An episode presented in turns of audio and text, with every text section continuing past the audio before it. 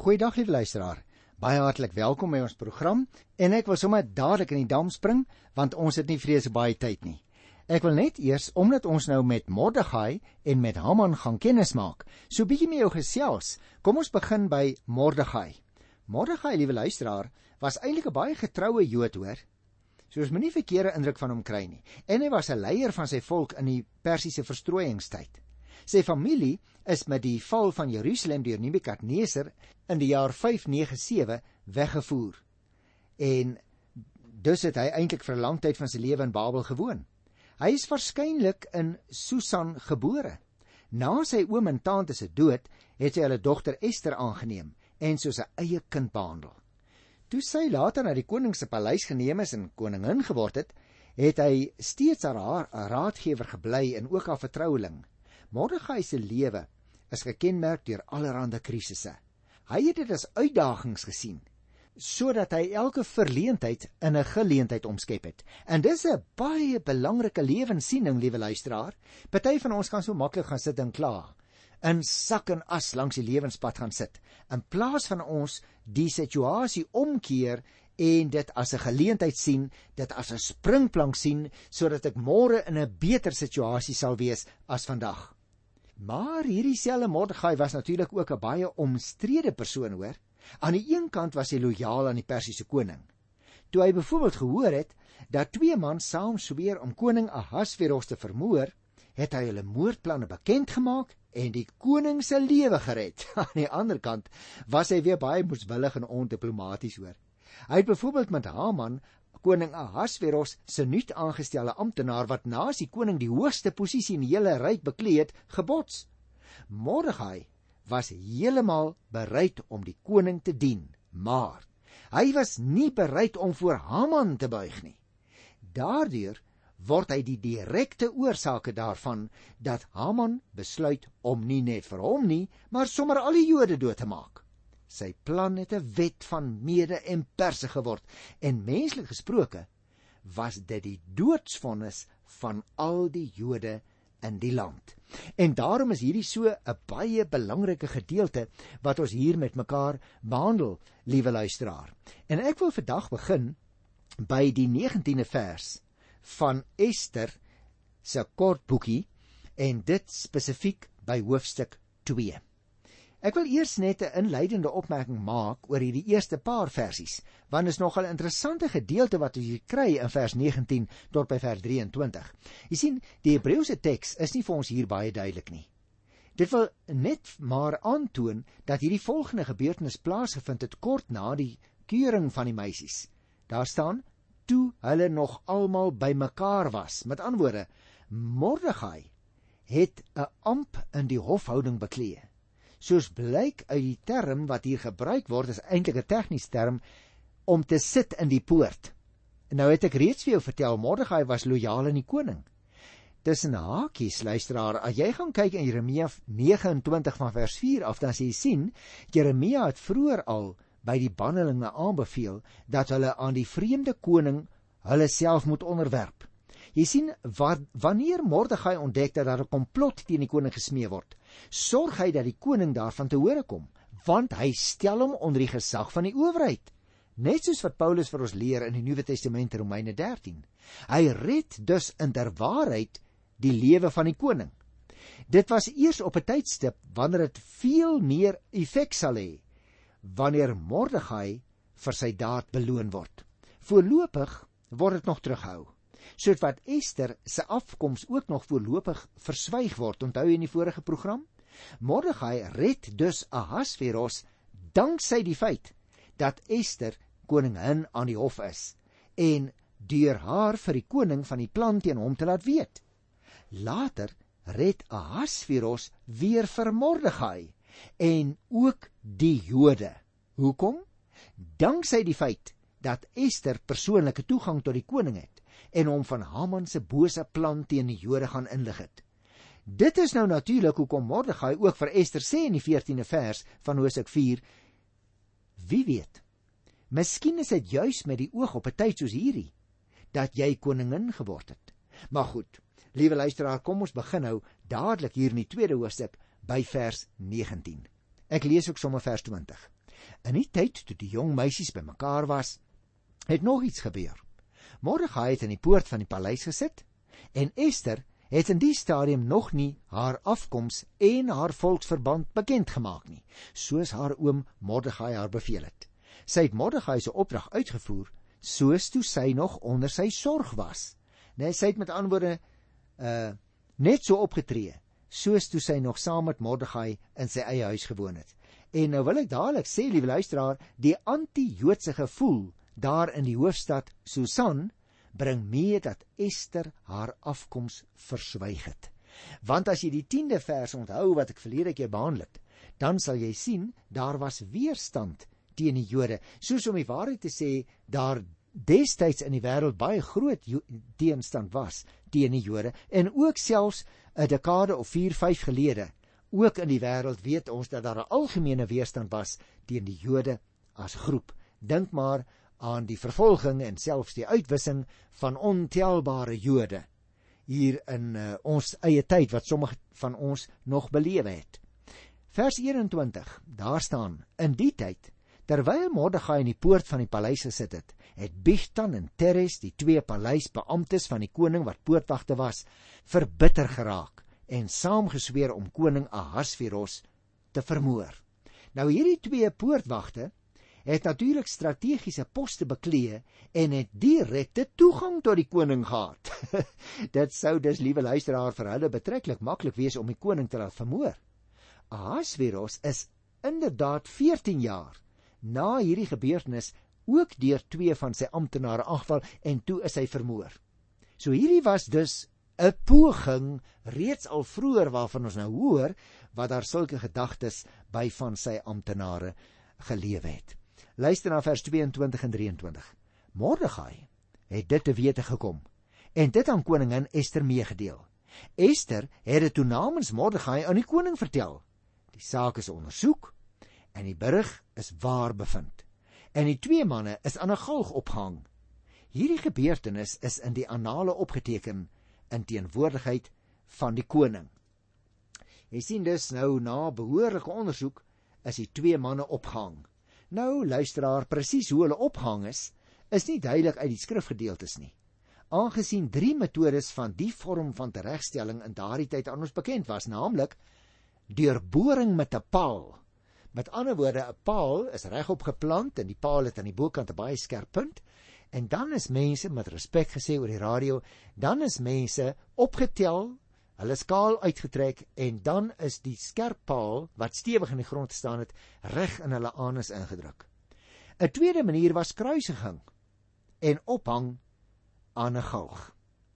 Nou alle belangrike gebeure is in die koninklike annale opgeteken, want dit was 'n amptelike handeling namens die staat. En nou kry ons daarna die verhaal van Haman wat al die Jode wil doodmaak. En daarom liewe luisteraar wil ek ook vir jou so ietsie net daarom eers vertel van hierdie man Haman, want hy is ook 'n baie interessante man hoor. Haman het al die eienskappe vertoon wat die Bybel afkeur. Hy was behept met mag hoor. Hy was haatdraand en moordlustig. Hy was oormoedig en vol van homself. Hy was hooghartig en arrogant. Hy het sy bose planne agter mekaar gekry en die koning en sy posisie aan die hof misbruik om dit uit te voer. Toe Mordegai naamlik weier om voor hierdie Haman te buig, het Haman besluit om vir Mordegai te vernietig. Jy sien, Mordegai se toewyding aan God en sy weiering om 'n mens te vereer was 'n struikelblok vir Haman se selfgesentreerde lewenssiening, want hy wil hê Mordegai moet voor hom buig en dit wil hy nie. Hy was dus vol haat en bitterheid en hy het die Jode begin sien as 'n bedreiging vir sy eie mag. En daarom het hy besluit om hulle almal dood te maak. Toe Haman gedink het dat hy op die kruin van sy sukses was, het alles om hom skielik in duie begin stort in sy lewe. Sy gesleependheid, sy moorddadigheid het uiteindelik op homself geboemerang. Sy vyand Mordegai het die koning se lewe gered en dit het tot gevolg gehad dat die koning baie aan hom verskuldig was. Haman kon Mordegai nie doodmaak soos hy wou nie, maar hy moes eers tot sy ontsteltenis en vernedering in die openbaar vereer. O, oh, dit moes vir hom seker 'n verskriklike spies in sy eie hart gewees het, hoor. En daarna eers is hy self opgehang aan die galg wat hy vir Mordegai laat oprig het en is sy hele plan om die Jode uit te wis ongedaan gemaak. Nou dit is in breë trekke die lewensverhaal van hierdie man Haman. Nou wil ek baie graag dat ons begin met die derde hoofstuk hier in die boekie Ester. Ek gaan eers vir jou oorsig gee van die eerste 7 versies want dit is nogal belangrik hoor. Dan verstaan ons ook net die breëre lyne en die detail soos wat dit bymekaar inskakel baie makliker. Want in die eerste verse kry ons Haman se fete teen Mordegai en sy volk waarvan ek nou nou vir jou vertel het. Jy sien die feite tussen Haman en Mordegai verteenwoordig 'n ou stryd tussen Israel en sy bure. Haman was naamlik 'n Agagiet. So word hy genoem in die Bybel. Een van die mense van Agag, die destydse koning van die Amalekiete. Mordegai is eie familie van koning Saul. Saul, sal jy nog onthou daar uit 1 Samuel 15, moes destyds teen Agag gaan veg. Dit gaan dus hier oor meer as net 'n persoonlike geding tussen Haman en Mordegai. Elkeen van hulle twee is die verteenwoordiger van twee belangrike groepe wat vroeg in die geskiedenis al aardsvyande van mekaar geword het. Dit gaan dus oor die stryd tussen die volk van God en die heidene nasies. Nou kom ons lees eers net die eerste versie. 'n Tyd daarna het koning Ahasveros vir Haman se seun van Hamedata die Agitiet vereer en hom bevorder. Hy het hom oor al sy ander amptenare aangestel. Nou kan jy sien, liewe luisteraar, waar begin die stryd nou tussen hierdie twee manne. Want jy sien Haman word in die eerste vers beskryf as 'n Agagiet. Die naam Haman is waarskynlik van Persiese afkoms. Die woord Agagiet aan die ander kant is afgelei van die naam van Agag, die koning van die Amalekiete, 'n volk wat tradisioneel in bitter stryd met Israel was. Haman was dus waarskynlik nie 'n afstammeling van Agag nie, maar hy word so genoem vanweë sy vyhandige houding teenoor die Jode en ook teenoor Mordegai as persoon wat volgens Hosea 2 vers 5 uit die stam van Benjamin was en dus uit die nageslag van Saul. Saul moes juis teen Agag gaan veg. 1 Samuel 15. En met hierdie naam word Haman as 'n teenpool en 'n vyand van Mordegai en die Jode op die voorgrond gestel. Kom ek lees vers 2 tot by vers 4. Op bevel van die koning moes al die dienaars van die koning wat in die poort van sy paleis was kniel en aan Haman eer bewys. O, oh, ek kan net sien hoe staan hierdie Mordegai se hare regop, né? Mordegai het egter nie gekniel en aan Haman eer bewys nie. Vers 3 sê: Die dienaars van die koning wat in die poort van die paleis was, het vir Mordegai gevra: "Nou uh waarom oortree jy die bevel van die koning?" Toe hulle dag vir dag vir hom dit vra en hy hom nie daaraan steur nie, het hulle dit vir Haman vertel, want hulle wou kyk of Mordegai sou volhard in sy houding. Hy het hulle naamlik te verstaan dat hy 'n Jood is. En jy sien daar is die klein vlammetjie wat die groot vuur aangesteek het. Kom ons gesels met mekaar so 'n klein bietjie daaroor want dit is vir ons baie belangrik. Dis juis op grond en let op, op grond van sy godsdienstige opvatting dat 'n mens net voor God mag kniel en aan hom die eer mag gee. En is op grond van hierdie godsdienstige opvatting dat Mordegai geweier het om te kniel en aan Haman eer te bewys. Kom ek lees vers 5 tot 7, so 'n stukkie daarvan. Toe Haman sien dat Mordegai nie kniel en hom eer bewys nie, was hy woedend. Hy het ook gehoor wat Mordegai se volksverband is. En dit was vir hom genoeg om vir Mordegai alleen dood te maak. Haman het na 'n manier gesoek om al die Jode, die volk van Mordegai, in die hele koninkryk van Ahasveros uit te roei. Jy sien liewe luisteraar, Hy het dus 'n aksie begin ontwikkel teen Mordegai, maar uiteindelik nie net teen Mordegai nie. Hy het dit in sy eie gedagtes getroetel hierdie moordplan teen Mordegai en uiteindelik besluit: "Maar ek gaan my bes doen om al die Jode in hierdie land te laat uitroei." So as jy nou daar lees verder in vers 7 in die eerste maand, die maand Nisan, lees ons dat uh, hy 'n datum gekry het, geskikte datum om die Jode uit te roei. Die lot het geval op die 12de maand, die maand Adar. Nou hy begin hier in vers 5 tot 7 met die maand Nisan. Nou luisteraars, dit strek natuurlik op ons kalender van Maart tot April. Dit was nie 12de regeringsjaar lees ons. En ons weet vandag dit was die jaar om presies te wees in die jaar 474 voor Christus. Haman bepaal naamlik die datum vir die uitroei van die Jode deur gebruik te maak van die lot, lees ons daar. En hierdie luisteraars maak hy van sy kant af voorsiening dat dit die geskikste datum vir sy bose planne sal wees. Die lot val op die 12de maand. Nou uh die Septuagint, dit is die Griekse vertaling van die Ou Testament, die Septuagint bied vir ons verdere inligting, naamlik dat dit op die 13de dag van die 12de maand moet plaasvind. Jy moet oplet. Eintlik was Mordegai lojaal aan die koning, maar hy het te gelykertyd geweier om voor 'n mens, naamlik Haman, te buig. Ons moet ook onthou luisteraar, die Jode het wel by geleentheid uit respek vir hoë amptenare gebuig. Gaan kyk maar in Genesis 23 hoe Abraham nê of in 1 Samuel 24 vers 9. Die Persiese konings en hulle hoogste amptenare is egter as gode beskou in daardie tyd. En Mordegai was nie van plan om Haman soos 'n god te vereer nie. Onthou jy ook nog uit Daniël 3 die uh, drie vriende van daardie geloofsheld Daniël wat ook so gereageer het.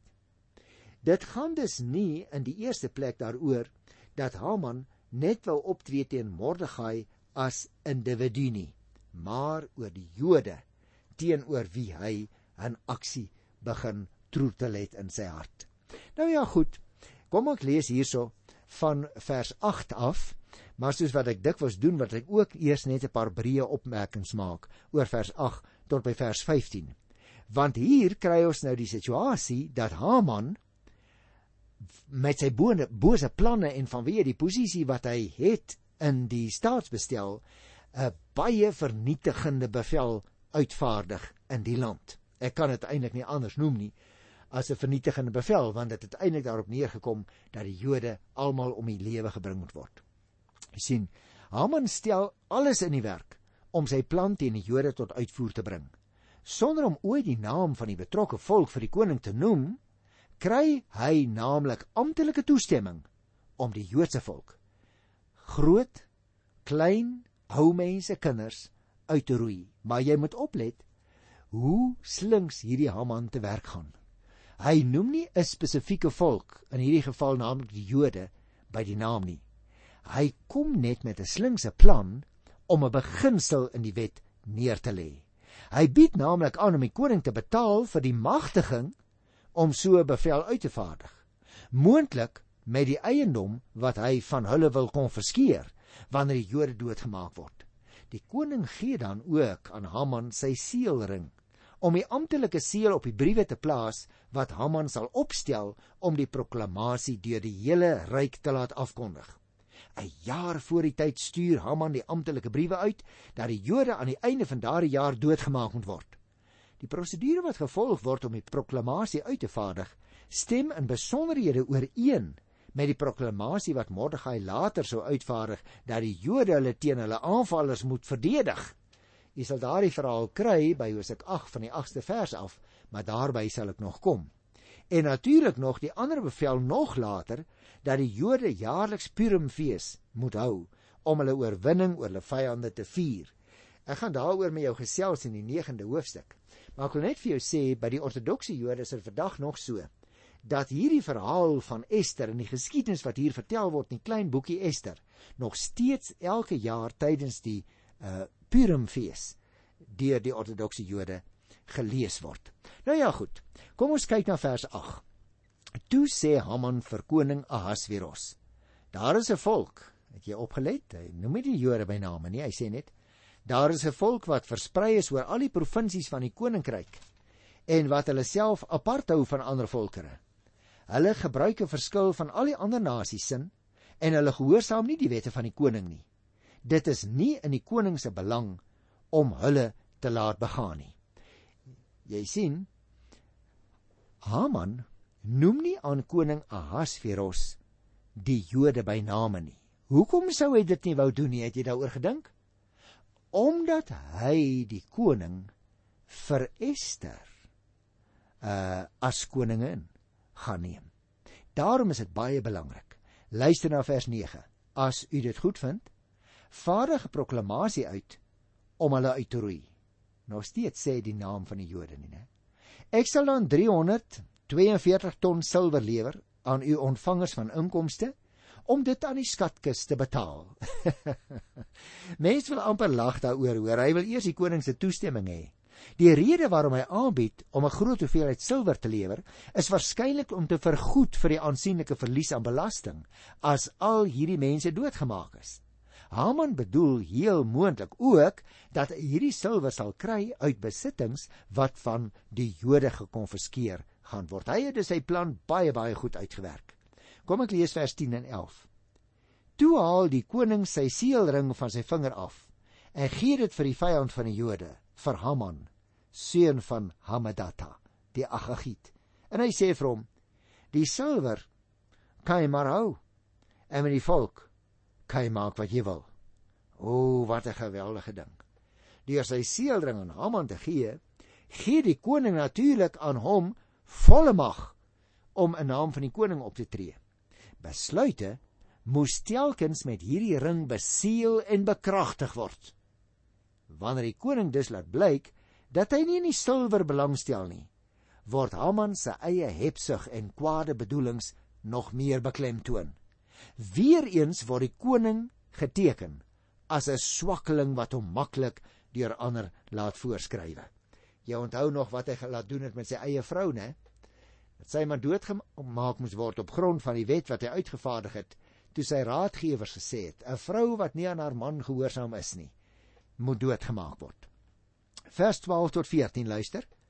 Op die 13de van die eerste maand is die koning se skrywers ontbied. En hulle het alles geskryf wat Haman, die verteenwoordigers van die koning, die goewerneurs van elke provinsie en die leiers van elke volk beveel het.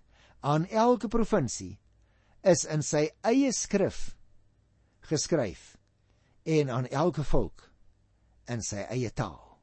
Briewe sê vers 13 is met boodskappers gestuur na al die provinsies. Vers 14.